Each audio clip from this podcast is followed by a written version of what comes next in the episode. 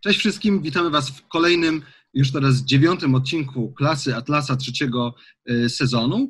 Y, kontynuujemy troszeczkę takie tematy, powiedziałbym, społeczno-kulturowe, głównie dotykające Zachód, choć już troszeczkę coraz bardziej Polskę. E, polski element też dzisiaj będzie. Dzisiaj porozmawiamy o tak zwanym kulturowym przywłaszczeniu czy zawłaszczeniu, czymś, co po angielsku nazywa się cultural appropriation, przepraszam. E, I owo zjawisko, to jest ciekawe, ono występuje głównie na Zachodzie. To znaczy, to czy ono występuje, to jest osobna tak. kwestia. E, ten Ale termin... jest, jest dostrzegane i nazywane, tak? Tak. W społeczeństwach Zachodu przez krytyków tejże prawdziwej albo rzekomej praktyki. Tak, i kilka, no i główne takie państwa to myślę, że przede wszystkim Stany Zjednoczone, Wielka Brytania, trochę zachód Europy e, i Australia na pewno. E, no więc właściwie to trochę podobnie jak te wszystkie inne kwestie, o których rozmawialiśmy wcześniej, może poza identytaryzmem, e, czyli intersekcjonalizm, white privilege i tak dalej. Więc porozmawiamy o tym cultural appropriation, które będziemy tłumaczyć jako kulturowe przywłaszczenie. Mateusz, czy mógłbyś nas wprowadzić w ogóle do tematu, o co chodzi? Czym jest to kulturowe przywłaszczenie? Jak się je rozumie? E, no ja bym powiedział, że przywłaszczenie, cultural appropriation, jest e, zjawiskiem czy ideą, która jest mocno związana z tym, o czym mówiliśmy na początku obecnego sezonu, czyli z wielokulturowością, z multikulturalizmem, ponieważ no, aby w ogóle można było dokonać spostrzeżenia, hej, słuchajcie, mamy problem ze zjawiskiem takim jak kulturalne, y, y, czy kulturowe raczej, przepraszam, przywłaszczenie, musimy mieć społeczeństwo wieloetniczne y, i musimy mieć sam ten pomysł wielokulturowości. Każda kultura inna, wszystkie równe, zasługują na szacunek i tak dalej, i tak dalej. I idea kulturowego przywłaszczenia w największym skrócie po prostu zakłada, że e, dominująca kultura, przy czym zastanawiam się, czy zawsze tak jest, ale najczęściej przynajmniej, albo prawie zawsze, e, przez dominującą kulturę rozumiana jest tak zwana kultura Zachodu, tak zwana e, kultura europejska czy europejsko-amerykańska, tak? to co wyrosło z tak zwanej cywilizacji łacińskiej, czyli znów wracamy do tego stereotypu, ale jednak funkcjonującego tego e, białego, europejskiego, patriarchalnego, e, w dużej mierze e, świeckiego albo chrześcijańskiego społeczeństwa. I ta dominująca kultura, zgodnie z ideą kulturowego przywłaszczenia, e, przyjmuje, przejmuje e, elementy innej kultury, zwłaszcza jakichś kultur mniejszych, biedniejszych i tak dalej. Czyli mówiąc krótko, ta kultura zachodu, kultura e, tego białego człowieka przy, przejmuje elementy, które sobie wybierze z kultur e, Dalekiego Wschodu, z kultur afrykańskich, z kultur takich i owakich. I krytycy tej idei, krytycy działalności ludzi, którzy rzekomo dokonują kulturowego przywłaszczenia, mówią, że to jest y, po pierwsze, że to jest upokarzające i że to jest uwłaczające dla prawdziwej tej kultury, y, a po drugie, że to tak naprawdę wyjmuje te poszczególne elementy z szerokiego kontekstu, w którym one do tej pory funkcjonowały y, i wprowadza je do roli takiego gadżeciku, takiej, takiej zabawki, takiego czegoś, co ten biały człowiek z zachodu może sobie wziąć i użyć nie w kontekście już na przykład E, sakralnego znaczenia, które było przypisywane e, danemu obiektowi przez e, jakieś plemię, takie czy inne, tylko w kontekście no, jakiegoś hobby, zabawy, elementu dekoracyjnego itd., tak itd. Tak I to, zdaniem krytyków, jest formą kolonializmu. Kolonializm i postkolonializm znowu to jest cały nurt wręcz badań.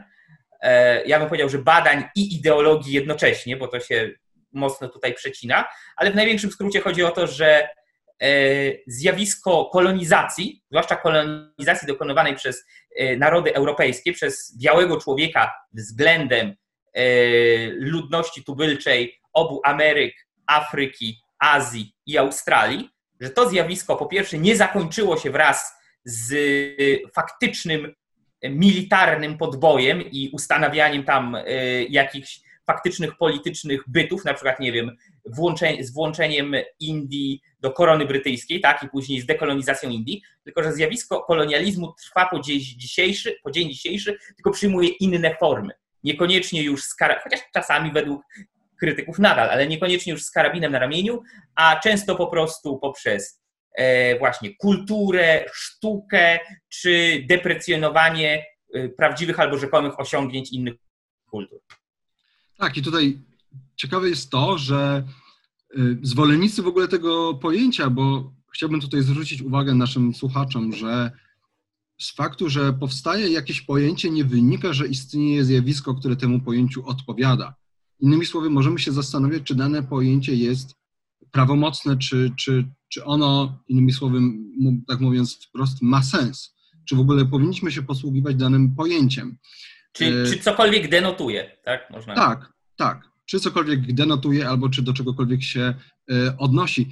I tutaj zwolennicy w ogóle tego pojęcia, no i zazwyczaj krytycy e, tej praktyki, która miałaby się dokonywać pod nazwą kulturowego przywłaszczenia, wskazują uwagę na to, że owo kulturowe przywłaszczenie jest czymś innym niż asymilacja, jest czymś innym niż wymiana kulturowa i przede wszystkim jest czymś innym niż akulturacja, która, gdzie akulturacja jest często właśnie rozumiana jako wpływ jednej kultury na drugą i przemiany tejże kultury, czasami e, obu, czasami to może być więcej e, kultur, tak? to może być pewne skrzyżowanie. Więc tutaj zwolennicy tego twierdzą, że to jest coś innego. Też nawet niektórzy z tego, co wiem, odwołują się do tak zwanych e, kolektywnych praw e, intelektualnych, czyli że jakaś grupa kulturowo-etniczna ma jakieś prawa intelektualne, e, kolektywne, ale to tylko tam niektórzy twierdzą. No i to, to kulturowe przywłaszczenie może przybierać różne formy. To może, może przybierać formy nawet przywłaszczenia religijnego, jakichś tradycji, mody bardzo często się wskazuje, nawet są filmiki z różnymi twórcami mody, z różnych, o różnych kolorach skóry, z różnym backgroundem, którzy właśnie mówią, jak to kulturowe przywłaszczenie jest złe w modzie, e, bo, bo jest złe, tak, bo się to wykorzystuje e, i to, i to nie jest, i to nie jest ok. To też dotyczy języka i to też oczywiście dotyczy muzyki. Tak muzyka jest częścią e, kultury i też sporo w sumie ja dzisiaj o muzyce od siebie e, powiem. No i tak jak Mateusz powiedział, tak, że problemem zdaniem zwolenników przywłaszczenia kulturowego jest to, że po pierwsze traktuje się drugą kulturę, czy jakąś kulturę, czy jakąś ich część po macoszemu, że się ją fetyszyzuje, że sprowadza się ją do formy właśnie zabawki, no i niektórzy wskazują, że to ma prowadzić do alienacji tej kultury, czyli że w ramach całej hegemonicznej kultury, takiej całej struktury, mamy jakieś mniejsze kultury, które nie do końca są równe, bo ta członkowie tej, tej hegemonicznej e, kultury po prostu się bawią jakoś tą e, kulturą. E, no i takie konkretne przykłady. No to bardzo, no to na przykład w Stanach Zjednoczonych nazywanie klubów sportowych nazwami od indyjskich plemion, e, albo wykorzystywanie ich symboli jako maskotek. Tutaj bardzo znany jest e, klub Washington e, Redskins, którzy też mają w swoim logo Indianina. Tatuaże też, różnego rodzaju tak zwane tribale, które przynależą tam do jakichś kultur różnych, albo chińskie znaki. I też oczywiście, jeżeli chodzi o wszelkiego rodzaju ubrania, mm, to znamy różne przykłady, tak, że ktoś, że ktoś sobie nosił, nie wiem, e, czapkę Meksykanina, nie wiem, sombrero, tak, i że to jest w jakiś sposób e, krzywdzące dla kultury meksykańskiej i tak dalej.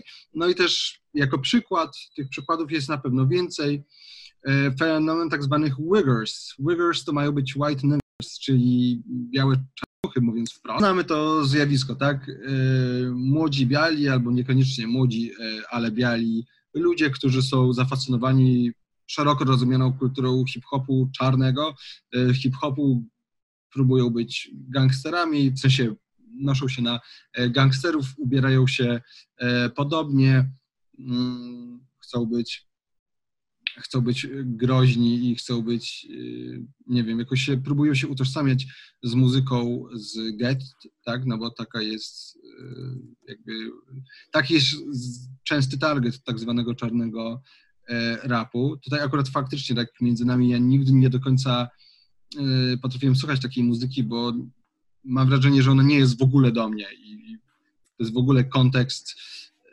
nie wiem, jeżeli mówimy o jakimś chicagowskim albo podchicagowskim getcie, zmaganiach z policją i rasizmem, to nie wiem w jaki sposób ja się mam do tego z tym e, utożsamiać.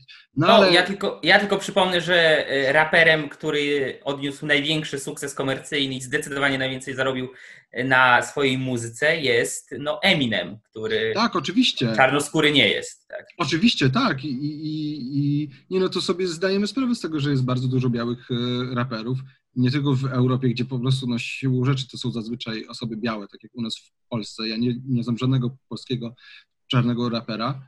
E, natomiast no, w Stanach Zjednoczonych też, tak jak e, Eminem, który zresztą no, współpracuje z, e, i z doktorem Dre, i z 50 Centem, i wcześniej było ten 13, coś tam. Ja no tak, tak, tak, tak, tak.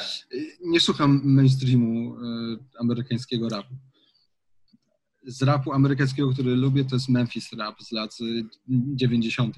Ale dobra, e, okej. Okay. W każdym razie to też jest jeden z takich bardzo wyraźnych przykładów, bo tutaj nie chodzi o jakiś mały, mały e, element, tylko o muzykę, styl ubierania się, styl wypowiadania się i tak dalej.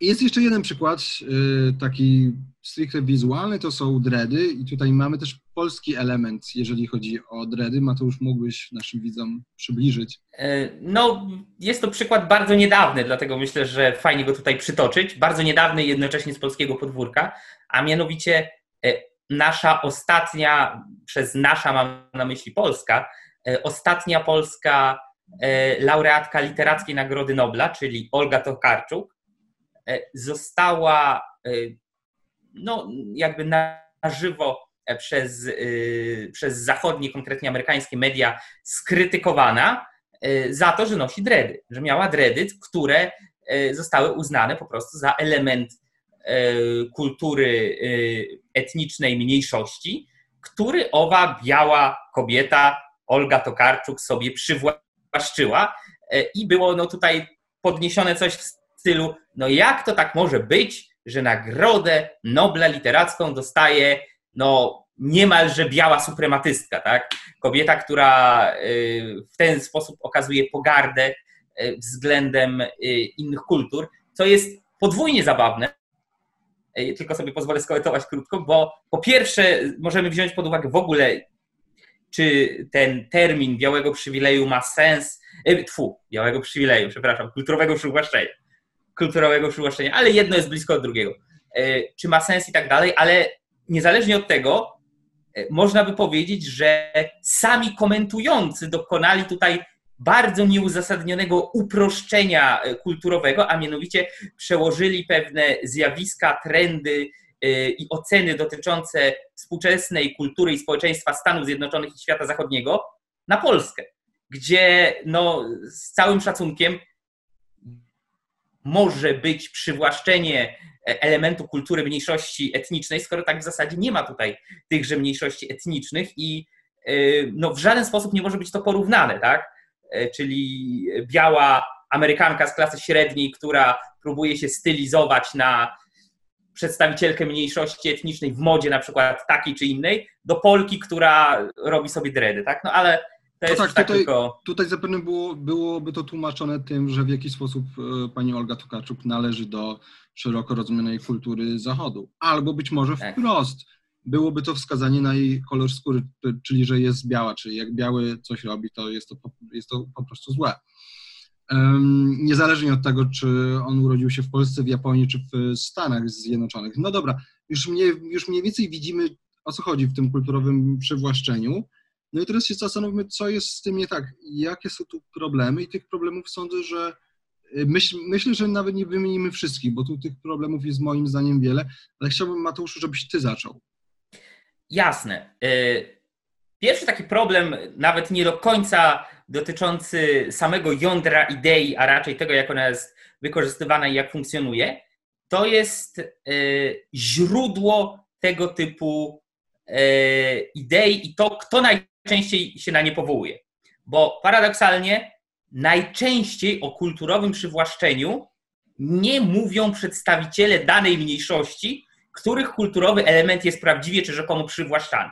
Tylko ktoś inny, z całym szacunkiem najczęściej są to e, białe, liberalne elity, ktoś inny za ich adwokatów. I tutaj podam bardzo konkretny przykład. E, w takiej książce, zresztą bardzo ciekawej, e, polecam przeczytać, Dinesha Desuzy, to jest publicysta, poniekąd polityk amerykańskiej szeroko rozumianej prawicy, który kiedyś współpracował nawet w ramach za czasów prezydentury Ronalda Reagana z, z Partią Republikańską. I on napisał taką książkę Letters to Young Conservative. Listy do młodego. na polski. Tak, listy do młodego konserwatysty. I jakkolwiek, no, my tutaj na, w klasie Atlasa nie skupiamy głównie, ani przede wszystkim konserwatystów zdecydowanie. E, tak, amerykański konserwatyzm jest na tyle specyficzny, że można w nim znaleźć bardzo dużo sensownych i ciekawych idei i spostrzeżeń. I jedno z takich spostrzeżeń czyni, poczynił właśnie Dinesh de Souza a propos klubów sportowych e, nazywanych e, od indyjskich plemion. Nie chcę teraz skłamać, rzucając z głowy, to można sprawdzić właśnie w tejże książce, o której powiedziałem, bo nie chcę skłamać, w jakim to było mieście, jaki to był dokładnie klub sportowy. Natomiast był klub sportowy uniwersytecki, który miał indiańską nazwę i petycja części studentów, studentów, którzy nie należeli do tego plemienia indiańskiego, to ważne, do władz uczelni została zaaprobowana i władze uczelni powiedziały: Dobra, to my w ramach szacunku i tak dalej, my chcemy e, zmienić nazwę tego, E, tego klubu sportowego. I w tym momencie Dinesh D'Souza, który by the way z pochodzenia jest e, Hindusem, to też dosyć znamienne, razem z grupką kolegów wystosowali list do przywódców tego plemienia, które na małe, bo małe, ale nadal jeszcze było istnie. I tam, tam ci byli zachwyceni, że jakaś uniwersytecka drużyna sportowa wykorzystuje ich symbolikę, ich nazwę i tak dalej. I w ogóle powiedzieli, że bardzo że oni się cieszą, że nie wiedzieli nawet, że super, że wow. No i władze uczelni były trochę postawione w rozkroku, no bo one tu już powiedziały A, że zmieniamy nazwę, a tu jednak e, no jednak się okazało, że sami zainteresowani, a nie tylko nie mają nic przeciwko, ale wręcz są zadowoleni z tego faktu. Więc e, jakby można powiedzieć, że pierwszym problemem jest to, że zazwyczaj to nie sami zainteresowani występują z jakąś skargą, upomnieniem, zażaleniem, tylko ktoś inny, najczęściej sam znajdujący się w tej tak zwanej pozycji uprzywilejowania, robi za ich adwokatów, czy oni tego chcą, czy nie. To jest pierwsza rzecz. Gdzie mówić, że może ty drugą? Tak, tak, tak, może by się tak wymieniać. Y, drugą rzeczą, na którą, znaczy pierwszą rzeczą, na którą ja bym wskazał, drugim, drugim problemem jest problem zakresu.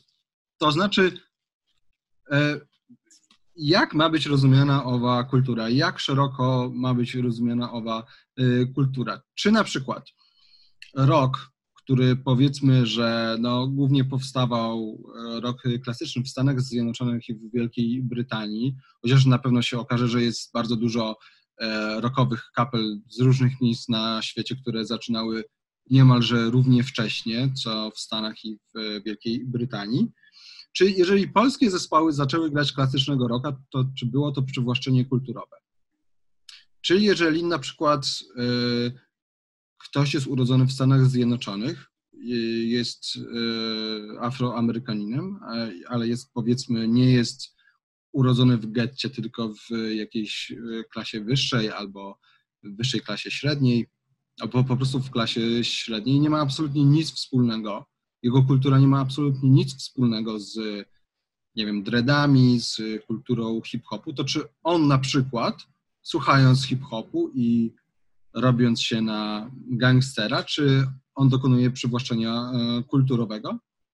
I tutaj widzimy, że tutaj jest problem po prostu z takim zakresem, to znaczy na ile czarny Amerykanin, na, na ile on jest Amerykaninem, to znaczy tutaj mam wrażenie, że tutaj paradoksalnie odmawia się amerykańskości osobom ze względu na ich kolor skóry, to znaczy zakłada się z góry, że ze względu, akurat podaję taki przykład, bo owokulturowe przywłaszczenie bardzo często też dotyczy, e, jest odnoszone e, do, do czarnej społeczności w Stanach, tak, że, że biali ich, ich kulturę jakoś przywłaszczają, ale tutaj się w ogóle zakłada, że, że jakoś kultura hip-hopu to jest jakaś osobna kultura, przecież ona wyrosła bezpośrednio w Stanach Zjednoczonych. To jest kultura stricte amerykańska, która powstała w konkretnym kontekście w Stanach Zjednoczonych, przepraszam, w latach 80., może w latach 70. były jakieś, jakieś pre-hip-hopy.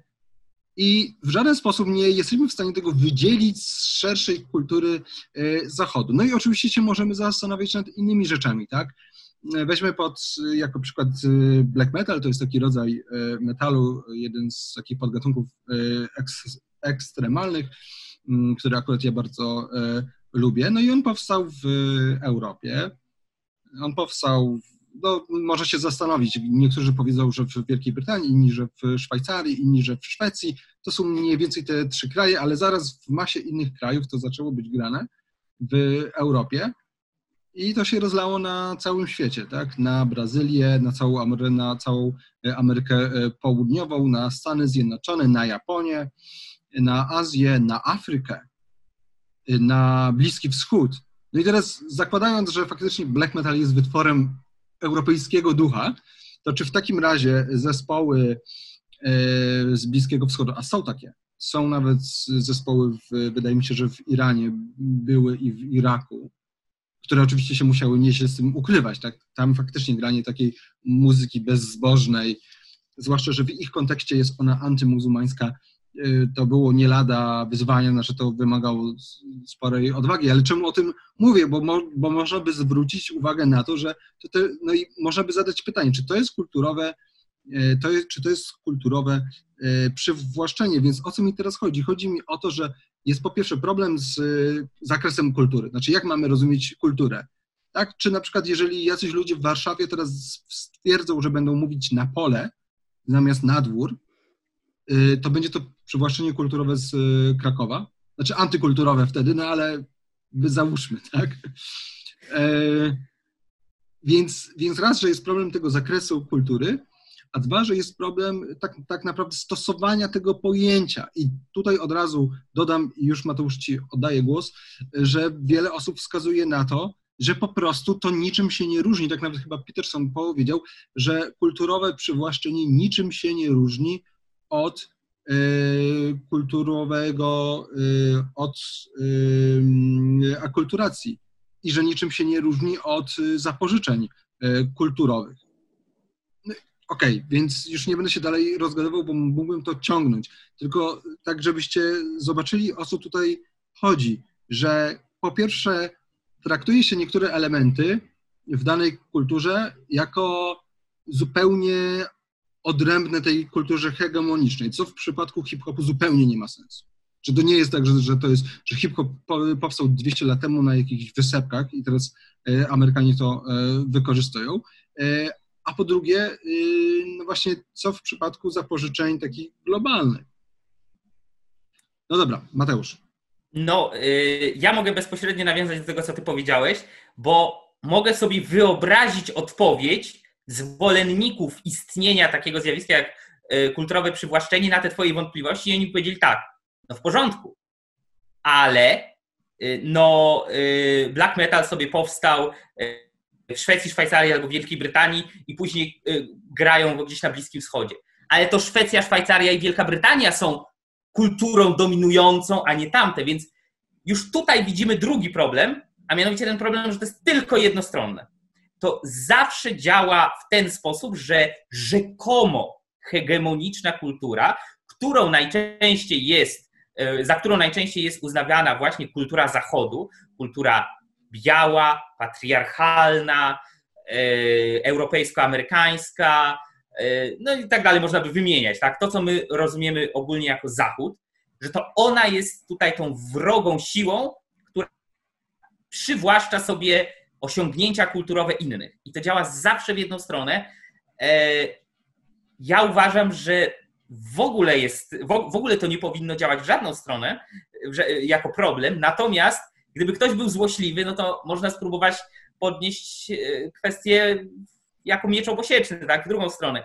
No dobra, no to w takim razie, czy jeśli elektryczność jest wynalazkiem białego, heteroseksualnego mężczyzny wychowanego w patriarchalnym społeczeństwie, to czy znaczy, że mamy odmawiać używania żarówek elektrycznych e, innym narodom? Tak, no, można by powiedzieć filozofia.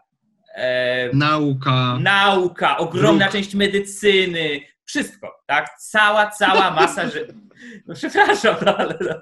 cała, cała masa rzeczy, cała masa the West elementów, które, tak, the West is the best, które dzień po dniu służą naszemu życiu, poprawiają je, ułatwiają, dają nam więcej możliwości, więcej okazji do działania, do y, spełniania naszych marzeń itd., tak itd. Tak Bardzo duża część, większa część tego była y, dziedzictwem ludzi, których można by określić w ramach e, tego typu narracji za właśnie elementy tej represyjnej, hegemonicznej kultury Zachodu, za białych, patriarchalnych, e, ksenofobicznych, w cudzysłowie albo bez, zależy od przypadku, ludzi, którzy narzucali coś tym mniejszościom. No i w tym momencie, to co, to mówimy tym mniejszościom, okej, okay, możemy taki deal zrobić, tak? Okej, okay, wy zachowajcie swoje tamtamy i swoje dredy, my zachowujemy y, naukę, edukację, medycynę y, i elektryczność. To znaczy tak, no, gdybyśmy, gdyby, gdybyśmy faktycznie stosowali to jako miecz obusieczny, to każda osoba, która nie pochodzi, z, która nie jest biała, bo oni wszystko i tak traktują tak. przez kolor e, skóry, e, bo są tak bardzo e, ograniczeni, że pewnie gdyby Wietnamczyk się ubrał w strój Chińczyka, to nie byłoby problemu, bo przecież ma tak. skośne oczy. No jakby do tego prowadzi właśnie lewicowe myślenie, takie skrajne. Natomiast Natomiast wtedy byśmy powiedzieli, że dokonuje przywłaszczenia kulturowego każdy, kto nosi krawat, kto nie jest biały.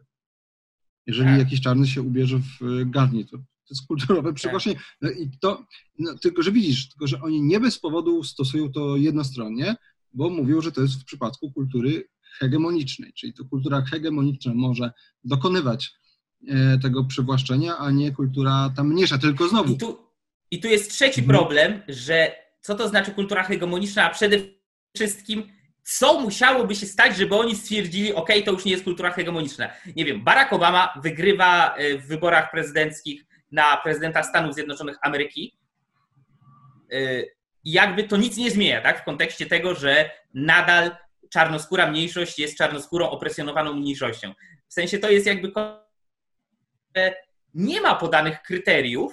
E, anegdotka. Kiedyś y, ze znajomymi zadaliśmy pytanie Krzyśkowi Bosakowi, co by musiało się stać, jakie procesy musiałyby zajść, jakie zmiany strukturalne, jakie zmiany ustrojowe musiałyby y, się stać, aby on powiedział, w Polsce mamy do czynienia z narodową demokracją, taką, jaką być powinna.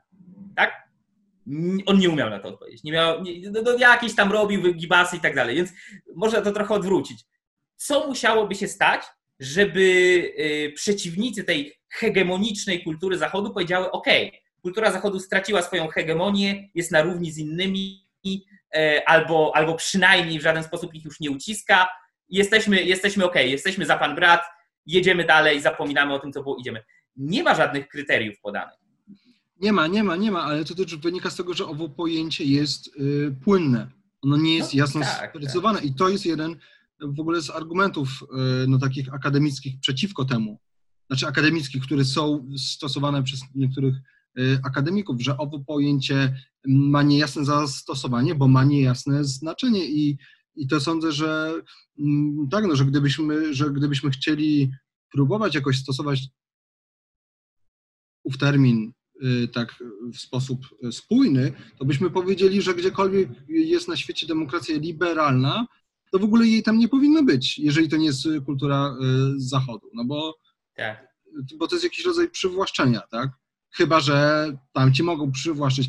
Ale tutaj widzisz, nawet teraz jak próbujemy wymyślać różne przykłady, to sami się w tym gubimy i to jest dobry znak na to, że mimo, że jakby staramy się dojść do tego, o co tu chodzi. Research zrobiliśmy, przykłady znamy, ale te wszystkie przykłady są, są zupełnie, są, są zupełnie, zupełnie, zupełnie, przepraszam, beznadziejne. No, no teraz... albo, albo na przykład jeszcze taki, tylko podniosę jeden, jeden element jakby problematyczny tutaj.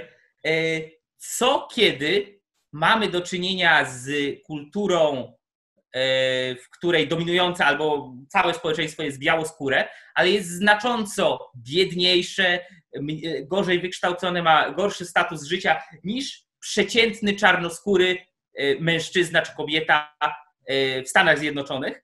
Co na przykład z tym, jak jakieś bogate społeczeństwo Zachodu, nawet takie, które jest w pełni wieloetniczne i nie ma z tym problemu, e, zacznie jeść polskie pierogi i stwierdzać, ok, my robimy własne pierogarnie, bo są dobre i tak dalej. Czy to będzie kulturowe przywłaszczenie? Bo teoretycznie, no umówmy się, nasza kultura Stanów Zjednoczonych jest zdecydowanie hegemoniczna względem y, obecnej kultury polskiej, tak? No, jeśli chodzi o jeśli chodzi o bogactwo, jeśli chodzi o wpływy, jeśli chodzi o znaczenie, jeśli chodzi o reprezentację na arenie politycznej, reprezentację kulturową, więc czy, czy Onkar Gate z Ayn Rand Institute, jedzący Polski, dokonuje kulturowego przywłaszczenia, E, a on kargaty, dodam, jest mieszanego pochodzenia, gdyby ktoś nie wiedział, e, nie jest, nie jest, nie jest biały. Więc, e, no a zdecydowanie jakby jest społecznie wyżej sytuowany niż przeciętny konsument pierogów w Polsce. No zdecydowanie. Mm, no tak. I, i, i, i kolejna rzecz przeciwko, że tak naprawdę zaciera się różnica między asymilacją E, kulturową i zapożyczeniami międzykulturowymi, które występowały zawsze. Zawsze. I one występują przez cały czas, zwłaszcza dzisiaj w dobie e, globalizacji. E, I, za, i zaciera się różnica pomiędzy czymś, co byłoby, innymi słowy, pomiędzy, pomiędzy zapożyczeniami kulturowymi i asymilacją kulturową, a tym, co byłby tym, tym co byłoby złym odpowiednikiem tego. Y, I tak, I tak naprawdę zwracanie uwagi na, na kulturowe przywłaszczenie prowadzi jedyne, gdybyśmy stosowali je w sposób konsekwentny, to doprowadziłoby to do swego rodzaju jakiejś segregacji i swego rodzaju w ogóle niechęci wobec współpracy między kulturami, już nie mówiąc o tym, że nie można by wtedy krytycznie podejść do y, kultury własnej, y, cudzej. Więc to wszystko tak naprawdę by no to raczej by miało same złe, same złe e, skutki. Tak, no po, po pierwsze e, jest, jest jeszcze jedna kwestia, to utwierdza ludzi w ich uprzedzeniach i w ich e, trybalistycznej mentalności, tak? To jest paliwo, tak, no, umówmy się. Idea, że korzystanie z jakichś elementów, które powstały w ramach albo rozwinęły się w ramach innej kultury niż moja, zwłaszcza jeśli moja jest hegemoniczną, a ta inna jest kulturą jakiejś mniejszości, e, sama ta idea, samo to założenie, to jest paliwo, to jest woda na młyn dla rasistów. To jest paliwo i woda na młyn dla szowinistów, skrajnych, radykalnych nacjonalistów itd., itd., itd. I nie ma znaczenia, czy będzie to rasizm, czy nacjonalizm, tak zwany e, black nationalism, tak, czarny nacjonalizm Afroamerykanów, czy będzie to nazwijmy to klasyczny rasizm albo nacjonalizm jakiegoś białego społeczeństwa, tak czy siak te idee pod, dają podbudowę, dają jeśli zwolennicy tego, że istnieje coś takiego jak kulturowe przywłaszczenie, chcieliby e, deklaratywnie zwalczać rasizm i kończyć z jakimiś uprzedzeniami, no to można by powiedzieć, że ich działania i ich starania i to, jak próbują to przedstawić, działa dokładnie w drugą stronę. Jest kontrskuteczne i prowadzi do przeciwnych y, skutków. No, no takie absurdalne rzeczy, tak? Żebyś, żebyś może widzowie też mieli pojęcie, jaką to ma skalę. No, w Stanach generalnie obchodzi się y, ostatniego dnia października y, takie śmieszno straszne święto jest Halloween, tak? gdzie dzieciaki przebierają się za różne postacie, z, czy to z horrorów, czy to z jakichś podań ludowych, czy z Myślę, filmów, że wszyscy wiedzą, seriali. czym to jest. Wszyscy wiedzą, mam nadzieję. E, no i teraz, jeśli dziewczynka przebierze się za Pocahontas, a nie jest rdzenną Amerykanką, to jest to cultural appropriation. Jeśli e. I, i, tak dalej, i tak dalej. Jeśli dziewczynka przebierze się za e, księżniczkę Disneya, tą z bajki e, Księżniczka i Żaba, która jest czarnoskóra, mm, no to to jest, a ona sama nie jest czarnoskóra, to jest cultural appropriation. No tak Jeśli zwany blackface chciała- jest Tak. uważany za straszny Strasznie, rasizm. tak. Jeśli się przebierze za Mulan, no to też jest problem, jeśli nie jest Chinką. I tak dalej, i tak dalej, i tak dalej. Oczywiście znowu to działa tylko w jedną stronę, nie w drugą, ale już mniejsza o to. E, Chinką? Chinką, Mulan. A, Nie Mulan. będzie tak, dziewczynka tak, tak. Chinką, to Jasne. E, Mało tego, jak miałem okazję być w, e, w muzeach w Australii, w Perth między innymi, to tam były wprost takie e, napisy. Część przedstawionego tutaj dziedzictwa kulturowego należy do rdzennych mieszkańców Australii i my tutaj od razu chcemy powiedzieć, że to, że one się tu znajdują, nie oznacza naszego braku szacunku itd., itd., itd. Jakby to wymagało tłumaczenia. Już abstrahuję od tego, że były napisy, e, kiedy w muzeach były takie krótkie filmiki na telebimach, że mogą tam wystąpić e, wizerunki osób, które już nie żyją, a zgodnie z wierzeniami jednego z plemion e, Australii Zachodniej, patrzenie na wizerunek kogoś, kto już nie żyje, to jest śmiertelny omen i przynosi pecha. Więc, więc ludzie są z tego zwolnieni poprzez taką e, informację na samym wstępie, żeby właśnie nie dokonać żadnego tutaj naruszenia ich kulturowych wartości. Tak? No, ja tu sobie pozwoliłem, nie mam w tej chwili makatki mojej australijskiej, to jest przykład aborygeńskiej e, sztuki rdzennych australijskich aborygenów. Ja kupiłem sobie parę makatek z taką sztuką, ona jest prosta, e, wielobarwna, fajnie wygląda tak na pierwszy rzut oka, ale jak rozumiem ja, kiedy wieszam ją sobie na ścianie, ponieważ byłem, nawet widziałem, jak była wyrabiana jedna z nich, takich makatek, no dokonuję kulturowego przywłaszczenia, tak? E, Jestem tutaj, w cudzysłowie, tym złym. No dobra, więc ja bym powiedział, że, że, że, to, że ten termin, to samo pojęcie kulturowego przywłaszczenia jest jednym z przejawów y, tego dzisiejszego mm, jakby nowej, jest to po prostu przykład nowej, nowego stadium, stadia? Stadia, nowego, Nowotworu. nie nowotworu, tylko politycznej poprawności. Jakby stara polityczna poprawność się zaczęła na co chodzi przeobrażać w takie absurdy, jak białe uprzywilejowanie, jak intersekcjonalizm, e, czy właśnie jak kulturowe przywłaszczenie, które w żaden sposób nie wskazuje na jakieś określone zjawisko, bo zwróćmy uwagę, że w samym ubieraniu się, czy wykorzystywaniu jakiegoś elementu kulturowego, czy nawet chęci przynależenia do jakiejś kultury, jak w przypadku tych Wiggers, e, nie mamy do czynienia z obrazą. Tak, tutaj musimy wziąć pod uwagę, że 99% takich przypadków, no mało kto korzysta z innej kultury, czy, prze, czy się przebiera w jakieś tam stroje z przyczyn prześmiewczych. To zazwyczaj to są przyczyny zupełnie inne i zazwyczaj są one pozytywne.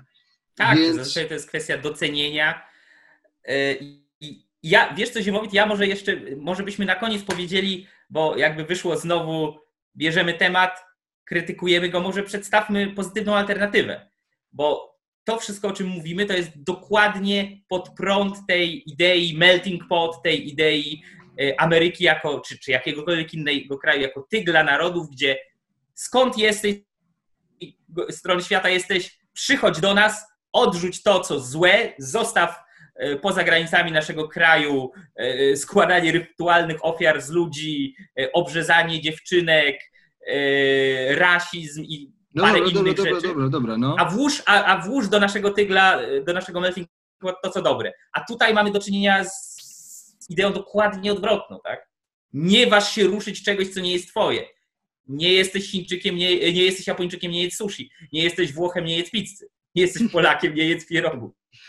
E, więc, no nie wiem, ja, ja bym krótko odpowiedział tak, że właściwą odpowiedzią, normalną odpowiedzią jest, jeśli w ogóle chcemy już patrzeć na to takimi kategoriami, to e, tak jak było w Marvelu, w tych filmach Marvela, że kto może podnieść młot Tora, ten, kto jest tego godzien.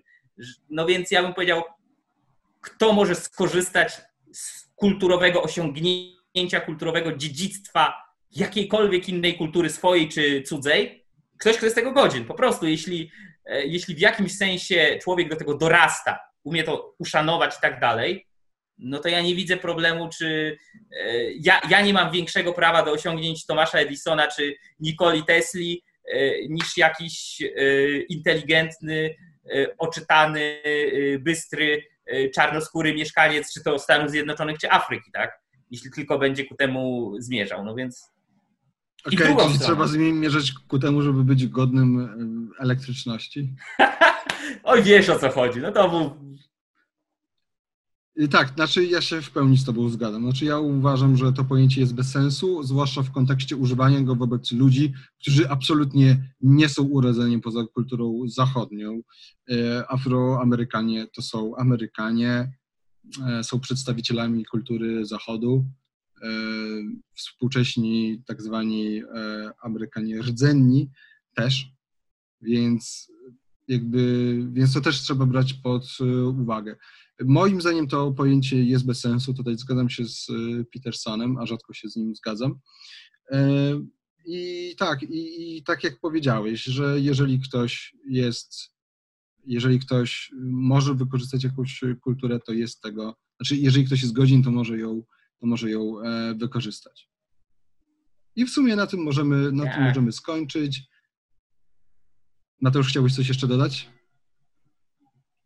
Że polskie, że polskie szable y, z czasów sarmackich z XVI i XVII wieku są zapożyczeniami poprzez Węgry od ludów wschodnich, Tatarów i Turków. Y, czy to znaczy, że y, powinniśmy teraz przy Muzeum Wojska Polskiego w Warszawie ogołocić i zwrócić to wszystko Erdoganowi? No nie sądzę. A to nie tak, że te szable były wykorzystywane w, w prastarej Lechi? No, no właśnie. Osta... Jak najechaliśmy y, Indię i stworzyliśmy tam kastę. Ale to jest poważne, to jest poważna rzecz, Ziemowit, bo generalnie wszystko inne, co my mamy w Polsce jest zapożyczone, tak? No, poczynając od chrztu Mieszka pierwszego, więc jeśli chcielibyśmy wrócić do tru niezapożyczonej, nieukradzionej kultury, no to, no to trzeba czytać y, Stanisława Bieszka i Wielka Lechia, no nie, no nie ma innej opcji. Wrócić do... W ogóle ale to jest w ogóle ciekawe, bo jak, jak sobie pomyślimy o tym, że, że w ramach tego kulturowego przywłaszczenia chodzi też o tradycje, jakieś konkretne rytuały, o religię i o język, no to jak sobie weźmiemy pod uwagę fakt, że nasze języki są wymieszane, są zapożyczeniami, raz, że mają wspólną e, rodzinę, dwa, że, że wzajemnie e, sobie jakby istnieją te zapożyczenia, że połowa języka to jest albo greka, albo e, łacina, alfabet i tak dalej, to, to naprawdę trudno wskazać, w jaki sposób mielibyśmy być jakąś jedną odrębną e, kulturą, jak to wszystko są jakieś wymieszane rzeczy. Okej, okay, no to kurczę. No, robi cię myśleć. Nawzajem, warto się nawzajem próbować jak najlepiej zrozumieć, warto e, próbować szanować u innych to, co jest godne szacunku, E, i warto faktycznie nie robić jakichś uproszczeń, e, czy wulgaryzować albo czynić bardziej prymitywną niż jest naprawdę e, kulturę innych narodów, innych nacji. Ale to tyle. Tak? To tyle Warto być wszystkim... po prostu uczciwym, ale no jakby nie dajmy się zwariować. I przede wszystkim patrzeć na innego człowieka jako na jednostkę, a nie jako na e, członka jakiejś Użyna. społeczności, Dobra. Albo Azjatę. Tak. Yy, Okej. Okay. Tym e, kulturowo przywłaszczającym akcentem kończymy nasz odcinek i do zobaczenia następnym razem. Trzymajcie się, cześć. Hej, cześć.